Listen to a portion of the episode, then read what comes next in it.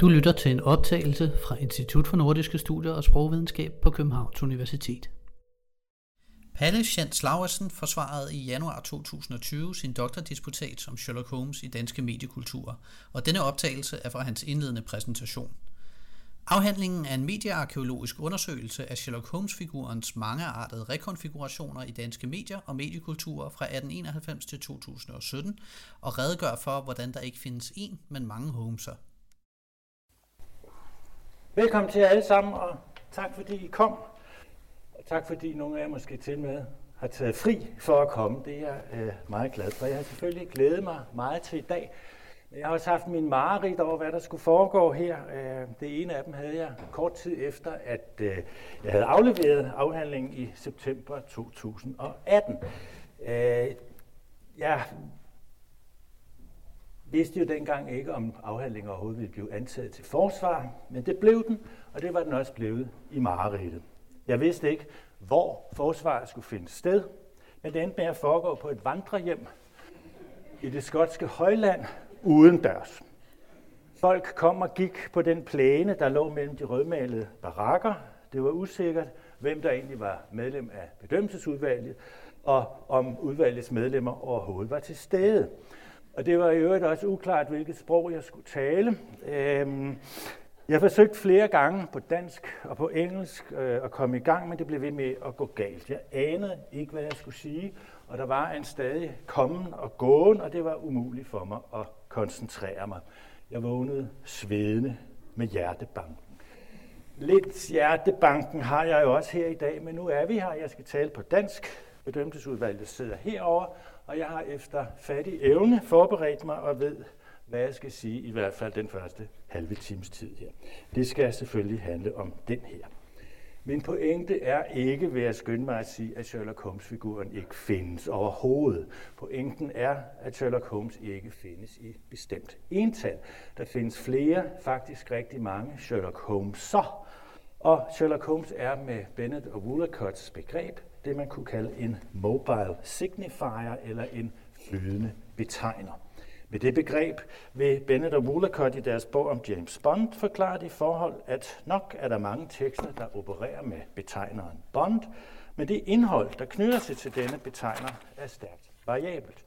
Der findes på et hvert givet tidspunkt, også over tid, altså både synkront og diakront, flere bonder eller i min case flere Sherlock Holmeser. På den baggrund er afhandlingen en undersøgelse af, øh, i hvilket omfang og hvordan Holmes er blevet moduleret ind i en række forskellige medier og mediekulturer i Danmark. Jeg prøver at forstå, hvilken betydning disse øh, medier og mediekulturer, disse kontekster, har haft på, hvordan Holmes er blevet fremstillet og opfattet. Derfor har afhandlingen selvfølgelig også en undertitel, øh, som dekanen også nævnte, Sherlock Holmes i danske mediekultur 1891 til 2017. 1891, fordi det er det år, Sherlock Holmes blev præsenteret først for en dansk, øh, et dansk publikum, og 2017, fordi et sted skal man jo stoppe. Men Holmes-figuren findes øh, og fungerer også i dag aktivt i den danske mediekultur og har gjort det i snart 130 år. At den har gjort det så længe med ups and downs, er med til at gøre den mediehistorisk interessant. Når jeg insisterer på, at der findes mange Sherlock Holmes, så er det også for at markere en, øh, en position i forhold til puristiske opfattelser af, at der for eksempel kun findes én rigtig Holmes, nemlig den figur, man kan læse om i forfatteren Arthur Conan Doyles værker. Sige det til de mange fans af den engelske tv-serie Sherlock for et par år siden. Fans, der for nogens vedkommende efterhånden først, først efterhånden opdagede, at han fandtes på bog, og at han ikke første gang optrådte i Disneys Basil Mus. I forhold til receptionen af en karakter som Sherlock Holmes, kan man ikke operere meningsfuldt ud fra forestillingen om en oprindelse. Hos for eksempel Conan Doyle, men man må undersøge, hvordan karakteren på et hvert givet tidspunkt fungerer i forskellige dele af mediekulturen.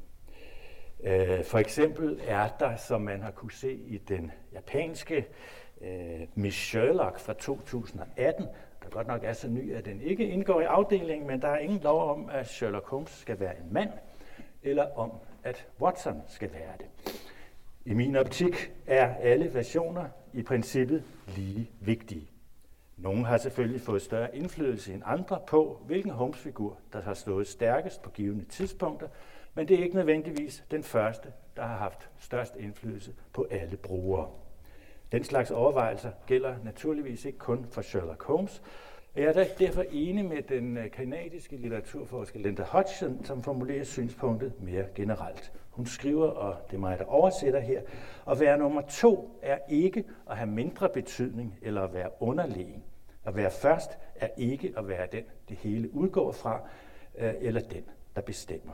Hun supplerer med at hævde, at i virkeligheden øh, lever forskellige versioner af en fortælling side om side og ikke over hinanden.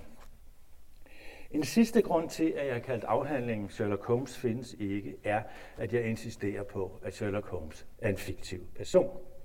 Det burde selvfølgelig give sig selv, men når jeg fremhæver det her i dag, så er det for at gøre opmærksom på, at voksne og veluddannede mennesker siden 30'erne øh, har leget, at Holmes er en virkelig person. Det er sjovt at lege, og det skal man have lov til, men øh, det må man ikke i en disputat. Sådan en er en alvorlig sag. Så hvis jeg lige skal opsummere øh, det første her, altså der findes ikke én Sherlock Holmes, der findes mange, og han eller hun findes i mange forskellige udgaver, der er forskellige alt efter tid, sted og mediekultur. De mange Holmeser er ligeværdige, øh, og figuren har inden for populærkulturens brede rammer på forskellige tidspunkter været rettet mod og brugt af de forskelligste modtagergrupper. Og så til sidst, Sherlock Holmes er selvfølgelig en fiktiv karakter, men det er interessant, at figuren er blevet løsrevet fra fiktionen, og at man kan lege for eksempel, at Holmes er en virkelig person. Læser i Holmes' hjemland England, det har jeg øvet mig på at sige hjemland England, øh, støtte første gang på denne fiktive karakter i et julehæfte i 1887.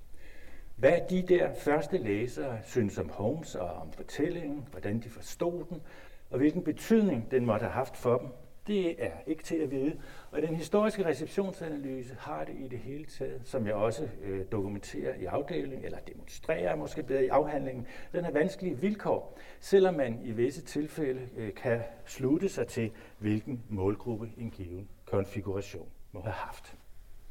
I resten af den halve time, jeg har til rådighed, og der er allerede gået mere end syv minutter, øh, vil jeg fokusere på afhandlingens emne og de forskningsresultater, jeg er nået frem til. Det kommer først til at handle noget om metode og empiri, og derefter laver jeg nogle nedslag i tre centrale perioder i Holmes' danske mediekulturhistorie. Det sidste selvfølgelig for at demonstrere pointen om de mange forskellige Holmeser. Jeg kalder min metode for mediearkeologi. Det er ikke en metode, jeg selv har fundet på, men der er ikke mange danske medieforskere, der hverken kalder sig mediearkeologer eller arbejder mediearkeologisk, men det gør jeg altså. Det ligger lige for at forstå noget af det mediearkeologiske projekt, for det består i, at man ligesom øh, arkeologer med gummistøvler, murske og børste afdækker mediehistoriske lag. Dog foregår arbejdet typisk i forskellige arkiver, så gummistøvlerne har man kun brug for, hvis det regner, når man skal til og fra arkivet. Øh, men det særlige ved mediearkeologien er, hvad man leder efter, hvad man gør ved det, man finder, og ikke mindst, hvordan man opfatter mediehistoriske udviklinger. Mediearkeologer har en svaghed for at lede efter det, som ingen andre leder efter. De finske mediearkeologer Parika og Hutamo forklarer, at mediearkeologer gerne interesserer sig for det, de kalder alternative fortællinger om undertrykte, oversete og glemte medier, blindgyder, tabere og opfindelser, der aldrig blev til materielle produkter. De har alle sammen vigtige historier at fortælle. Sherlock Holmes som sådan er selvfølgelig ikke en af mediehistoriens tabere. Tværtimod er historierne om ham nogle af de få, der har overlevet massakren i det, Moretti kalder The Slaughterhouse of Literature, litteraturens slagtehus. Men mange af de konfigurationer, hvor i danske homesbrugere har mødt figuren, er af eftertiden blevet glemt, om ikke ligefrem undertrykt, øh, så i hvert fald øh, overset og glemt altså. Hensigten med afhandlingens mediearkeologiske projekt er dermed ikke at fremstille det, enhver kan se, men, men at lede efter alternative fortællinger om oversete og glemte medier ud fra en overbevisning om, at mediehistoriske blindgyder og tabere kan fortælle vigtige historier. Og sådan en undersøgelse skal ikke bare gå i dybden, den skal også gå i bredden, og mediearkeologer er ikke meget for kanoniserede fremstillinger af mediehistorien. For den slags fortæller ofte kun øh, udvalgte dele af historien, og det er til med ikke nødvendigvis de rigtige dele eller de relevante dele. I filmhistoriografiens tilfælde har øh, David Bordwell analyseret det, han kalder the standard version af filmhistorien, og i afhandlingen analyserer jeg den danske Holmes-traditions standardversion. Begge steder bliver, det, bliver der, som, som mediearkeologen Thomas Alsasser øh, siger i en anden sammenhæng, efterladt meget i vejkanten out of negligence or ideological bias på grund af forsømmelighed eller ideologisk forudindtagethed. Det er svært ord. Øh, må ikke også, der er blinde pletter og forsømmeligheder i Sherlock Holmes findes ikke. Jeg tror det, for nobody is perfect. Øh, mediearkeologer vender sig også mod at opfatte historisk udvikling som teleologisk. Det vil sige, at øh, til enhver tale om et medies barndom, dets ungdom, dets fuldvoksne udtryk og dets hensyn, det gør ondt helt ind i mediearkeologernes sarte sjæle. For bag den slags biologistiske formuleringer ligger en teleologisk tanke om, at et givet medie på baggrund af en immanent logik udvikler sig frem mod et mål, der hele tiden ligger i det i kimform. Men den slags mediehistorie er skrevet fra de sejrende mediers synspunkt. Der er nogle medier, der vinder i den mediekulturelle og økonomiske kamp om overlevelse, kunne man sige, og der er mange, der taber. Øh, for mediearkeologen gælder det i mediehistorien om at holde fast i dem alle sammen, at genvinde eller genopdage øh, og redegøre for multipliciteten i fortidens mediemiljøer, at spore parallelle historier og om at udforske alternative veje. Det er noget af det, jeg har forsøgt at gøre i Sherlock Holmes findes ikke. Nu skal jeg ikke gøre mig bedre, end jeg er, og det, der blev til dagens afhandling, var ikke fra starten drevet af et mediearkeologisk ønske om at redegøre for multipliciteten i fortidens mediemiljøer ud fra ikke-teleologiske grundsynspunkter. Men efterhånden, som jeg fik indsamlet og bearbejdet de, hvis jeg selv skal sige det, mange og meget forskellige artede data, der skulle udgøre afhandlingens empiri, så kunne jeg se, at de simpelthen ikke kunne rummes på en ensporet vej for nu at blive i den der vejmetaforik, vejmetaforik fra før.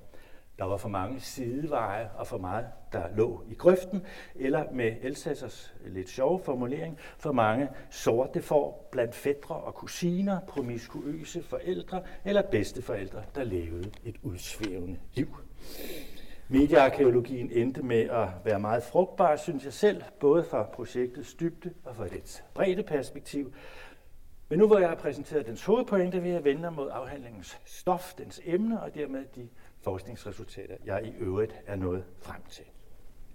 Det, jeg har undersøgt, er altså, som jeg allerede har sagt, i hvilket omfang og hvordan Holmes er blevet moduleret ind i en række forskellige medier og mediekulturer i Danmark fra 1891 til 2017. Uanset om materiale øh, i sin oprindelse har danske eller udenlandske rødder. Helt overordnet har Holmes fandtes i tre forskellige mediekulturer. Den trygte, den audiovisuelle og den digitale. De tre mediekulturer har, det er det pilenes forskellige længde skal øh, markere, ikke afløst hinanden fra den ene dag til den anden. Og for eksempel findes der selvfølgelig både trygte og audiovisuelle medier som film og tv i den digitale mediekultur, vi lever i og med i dag. Men medier, der har været dominerende i en mediekultur, får en anden position og funktion i andre mediekulturer. Jeg har i arbejdet med afhandlingen systematisk let efter alle forekomster af fiktive home-tekster i Danmark. I dette begrebs, altså teksters øh, bredeste forstand. Min søgen har ført mig rundt i mange, både analoge og digitale arkiver, og afhandlingens empiri kunne ikke være blevet øh, jeg skal sige, genereret, hvis ikke det havde været for det her mediestream, hvor godt 35 millioner danske avissider, sådan cirka halvdelen af alle de avissider, der nogensinde er trykt i Danmark, er tilgængelige og søgbare. Øh, men det skal samtidig siges, at der er forskellige Holmes-konfigurationer, som ikke har kunne lokaliseres digitalt, hverken i Mediestream eller andre steder. Og nogle af dem er jeg simpelthen faldet over ved et tilfælde.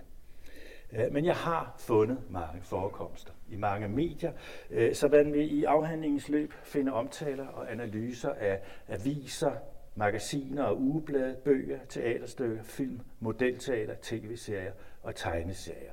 De sidste tegneserierne behandler jeg i et selvstændigt kapitel, fordi de fortæller en noget andet historie, en modhistorie om Holmes i danske mediekultur. Hvis I savner radio og andre lydformater, så kan jeg sige, at jeg har måttet lade den del af historien være ufortalt, fordi kilderne simpelthen er for dårlige. Mit første større fund var genopdagelsen af det teaterstykke, der fra 2. juledag 1901 gik på Folketeateret ind i Nørregade, og som siden i forskellige, nogle gange konkurrerende versioner, fik afgørende betydning for Holmes opfattelsen i begyndelsen af forrige århundrede. Det næste, der gik op for mig, var, at det, jeg i afhandlingen kalder det bibliofile hegemoni i den danske Holmes-tradition, blandt andet har givet sig udtryk i, at ingen tidligere har forsket i, hvordan Holmes-figuren og fortællingerne blev spredt i avisernes følgetong. Følgetongen var fra 1840'erne øh, en øh, fast bestanddel af landets aviser, og dem var der altså over 200 af øh, fra omkring forrige århundredeskifte. Og det var der, Holmes første gang mødte et dansk publikum, eller man burde nok sige det omvendt, ikke sandt? For den første oversættelse af en Holmes-fortælling blev trykt i Aarhus Stifttidene med start i juni 1891. Det var to år før den første bogoversættelse udkom. Men mere relevant end den blotte øh, konstatering af, hvem der kom først, er den mediehistoriske pointe om, at det var to flygtige medier, avisfølgetongen og det folkelige teater, der stod for den store introduktion af Holmes i Danmark. I julen 1901 kom så det her teaterstykke Sherlock Holmes. Der var tale om et dansk rip-off af et amerikansk stykke. Det amerikanske stykkes forfatter, William Gillette, blev stort set ikke nævnt, og stykket blev præsenteret som skrevet af ham her, øh, kaptajn Walter Christmas, der der også uden blusel solgte stykket videre til opførelse både i Danmark og i Sverige. Watsons rolle øh, som fortæller forsvandt i den sceniske fremstilling, Narrativt var fordelingen af, hvem der vidste hvad, hvornår, øh, noget anderledes hos Conan Doyle, og stykket var, ligesom sit amerikanske forbillede, en sammenskrivning af karakterer og plotelementer fra flere Holmes-fortællinger, tilsat en række komiske bifigurer og en romantisk intrige, der involverede Holmes. Noget, der passede godt til genreforventningerne i datidens folkelige teater, selvom det lå ganske langt fra den Holmes, man kunne læse om hos Conan Doyle. Stykket blev en stor succes, og i foråret 1902 blev både det og konkurrerende stykker med den samme titel spillet landet over af i hvert fald otte forskellige ensembler. Nogle turnerende, andre ikke. Samtidig udkom romanen The Hound of the Baskervilles som følge tong i det engelske månedsmagasin The Strand Magazine. Det ud, den, den historie udkom med ganske lille forsinkelse i et i dag fuldstændig glemt Københavns tidsskrift, der hed Dit og Dat. Øh, men det var først fra foråret 1902, det vil sige efter øh, teaterstykkets succes, at de danske aviser tog fat på Baskervilles hund, på spøgelsehunden eller djævlehunden, som historien blev kaldt i nogle af de forskellige oversættelser, der øh, i 1902 blev udgivet som tong, og det gjorde de i mindst 15 danske aviser med et samlet oplag på øh, 65.000 eksemplarer. Jeg siger mindst 15, fordi Mediestream, som jeg har lokaliseret det her i, jo trods alt kun rummer halvdelen af danske avissider. I det følgende år blev øh, Holmes et stort følgetonghit, og socialdemokratiske aviser landet over tæppebumpet, som jeg har skrevet det, øh, af deres læsere med gamle Holmes-historier fra efteråret 1905 til det sene forår 1907. I øvrigt er det en del af pointen, at avisfølgetongerne blev trykt med krøllede bogstaver. Øh, de bogudgaver, der fra 1893 udkom, øh, var trykt med øh, skrifttypen antiqua, altså kort sagt med bogstaver, som I i dag kan læse uden problemer. Det var der så til gengæld ikke så mange, der kunne dengang. Krøllede bogstaver var den folkelige læsning, skriftsnit, antiqua var for de uddannede boglæsere. I forhold til Holmes-boomet, øh, der i de første år af 1900-tallet, undrede det mig, at Conan Doyles næste omgang Holmes historie, The Return of Sherlock Holmes, næsten gik uden om Danmark. De udkom ikke straks i en masse aviser som følge tonger, hvad man ellers skulle have forventet, og der kom ingen samlet bogudgave heller. Det kunne man også have forventet. I England udkom kom de i, i The Strand Magazine i 3 og 4 og i bogform i 1905.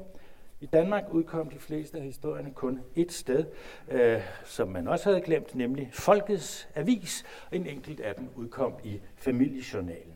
Det skyldes formentlig alt sammen, øh, at Danmark i 1903 havde underskrevet den her Berner-konventionen til værn for kunstneriske og litterære værker. Så nu, hvor øh, aviserne skulle til at betale for ting, der var udgivet efter underskrivelsen af Berner-konventionen, var det trods alt ikke så interesseret i Holmes. Og rettighederne synes i øvrigt at have ligget i Norge, så nogen dansk bogoversættelse blev det heller ikke til på det tidspunkt. Af den vej gik det op for mig, at også et spørgsmål om kunstneriske rettigheder og prisen på dem har haft betydning for, hvad der blev oversat og udgivet. Hvornår? Berner-konventionen omfattede ikke kun øh, film til at, omfattede til at begynde med ikke film, så derfor kunne Nordisk Filmskompani ude i Valby i årene fra 1908 til 11 producere 12 Sherlock Holmes film.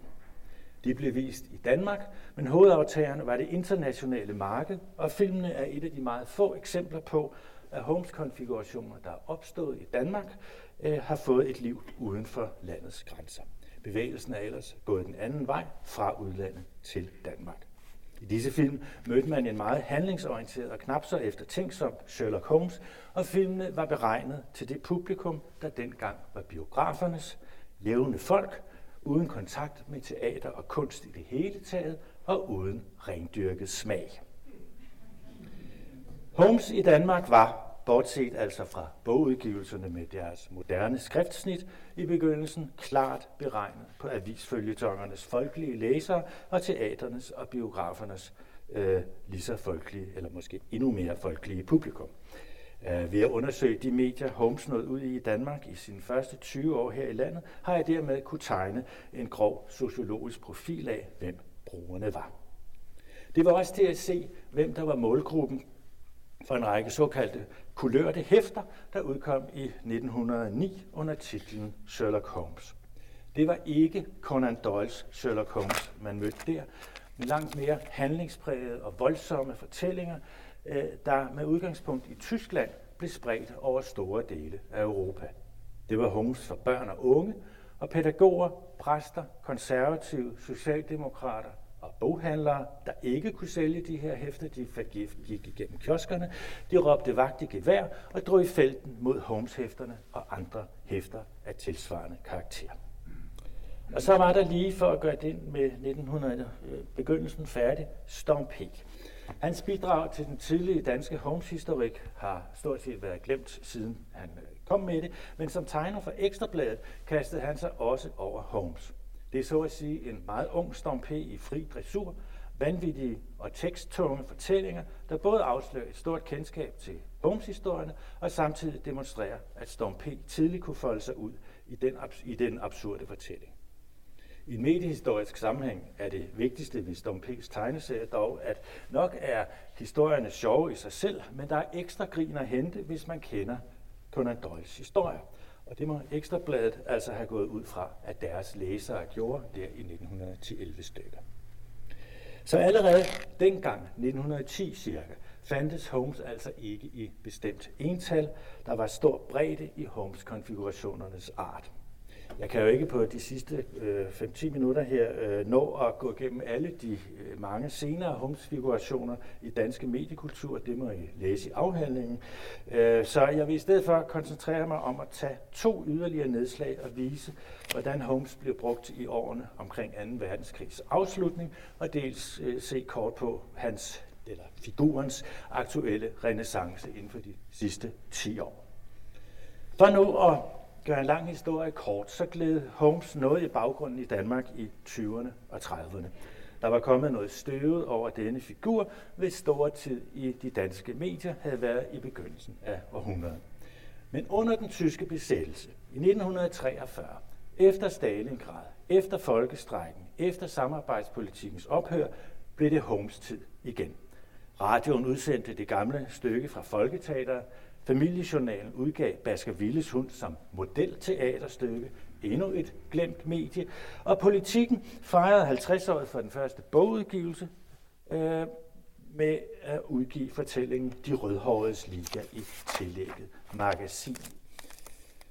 Men helt markant blev den øgede Holmes interesse i foråret 1944, hvor tre forlag øh, i forskelligt omfang og forskelligt udstyr kastede sig over Holmes. Det var også i maj 44, at bladet Gyngehesten en gemytlig halv time begyndte at udgive en lille Holmes-tegneserie, og for at gøre den her krigstidens udgivelsespolitik færdig, begyndte forlaget Nyttebøger i slutningen af 1945 at udgive sin Holmes-udgave. Og hvorfor så al denne aktivitet, der også omfattede kronikker og litterære debatter? Hvorfor denne genoplevning af en karakter og et univers, som mange siden 1910'erne havde betragtet som gammeldags? Det er vanskeligt ikke at se det som en ideologisk modstandskamp, hvor den ærke engelske Holmes blev brugt som en slags fortrop for den anglomani, der skulle præge de sidste krigsår og tiden efter.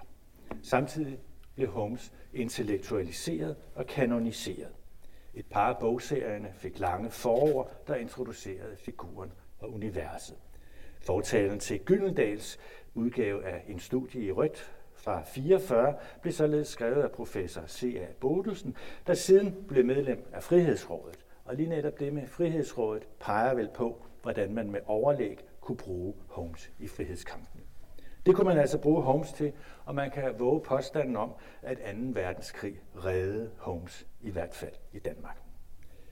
Nu er det langt fra sådan, at Holmes så lå død i dansk øh, mediekultur i perioden efter krigstidsrenaissancen. Karakteren havde adskillige op- og nedture i perioden fra krigens afslutning til 2009, hvor den aktuelle renaissance begynder. Men det springer jeg over for her til slut at give en kort præsentation af, hvor Holmes står i dag i den aktuelle digitale mediekultur, der har givet såvel producenter som brugere helt nye muligheder.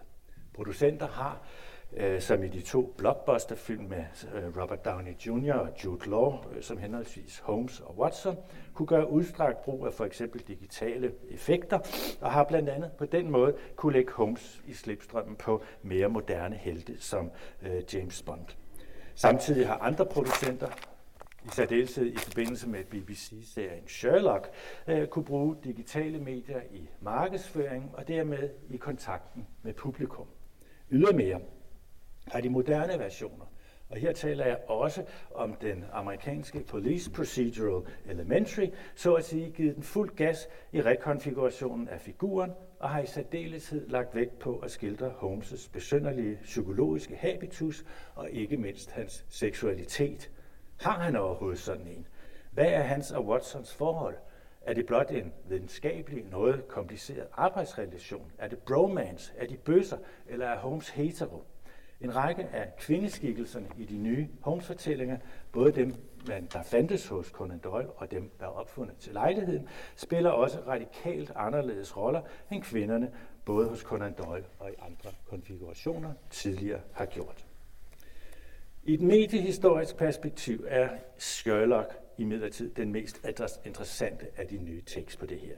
Det, det er den, fordi den var et tidligt eksempel på en tv-serie, der interpellerede dedikerede fans ved hjælp af digitale 2.0-medier, særlige kommunikationspotentiale, som fansene også i høj grad selv gjorde brug af. BBC, der bestilte og sendte serien på hjemmemarkedet, lavede en hjemmeside for Sherlock, og her havde en række af karaktererne deres egne ikke-interaktive blogs. Mest interessant var John Watsons blog, eller bare Johns blog, som, den, som også figureret i selve tv-serien.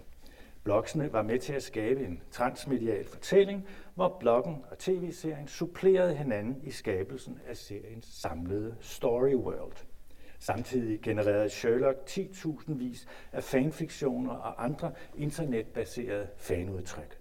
Der opstod ud over fanfiktioner, video mashups, øh, med mere også et hashtag, der hed I Believe in Sherlock, og da øh, BBC sendte tredje sæson af Sherlock, inkorporerede man i første episode fankulturen og skabte blandt andet både i og uden for serien hashtagget Sherlock Lives. Det er altså et screenshot fra øh, episoden.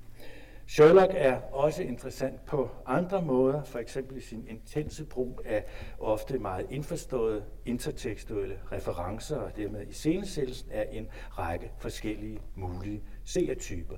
Men det kan være, at øh, vi får tid til at tale om det senere.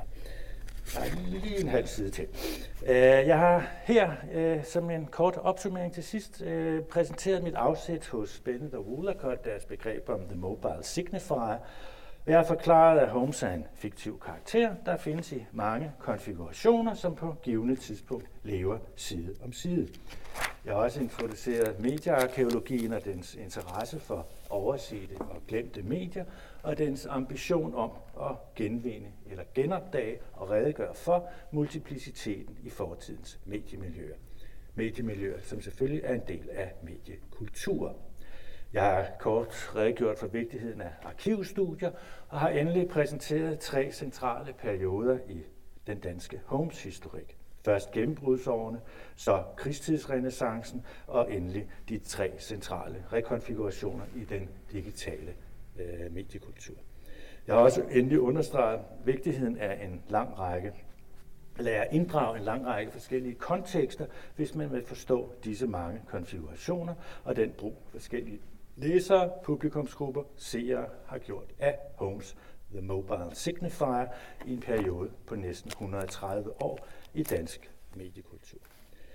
Kultur, skulle jeg sige. Der er mange elementer i afhandlingen, jeg selvfølgelig ikke har kunne komme ind på på en halv time og et minut og syv sekunder. Jeg håber dog, at jeg har kunne give et indtryk af afhandlingens emne og af de forskningsresultater, jeg er nået frem til. Og jeg er sikker på, at det først er nu, forsvaret begynder for ligesom at skyde resten af eftermiddagen i gang, har jeg lavet et lille sammenklip fra Sherlock. Det var sådan en 5-6-7 sekunder. Punch me in the face. Punch you? Yes, punch me in the face. Did you hear me?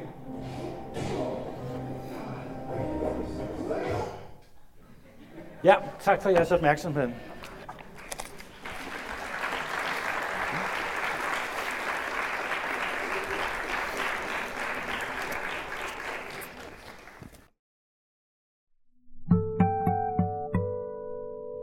Lyttet til Lyd fra Nords.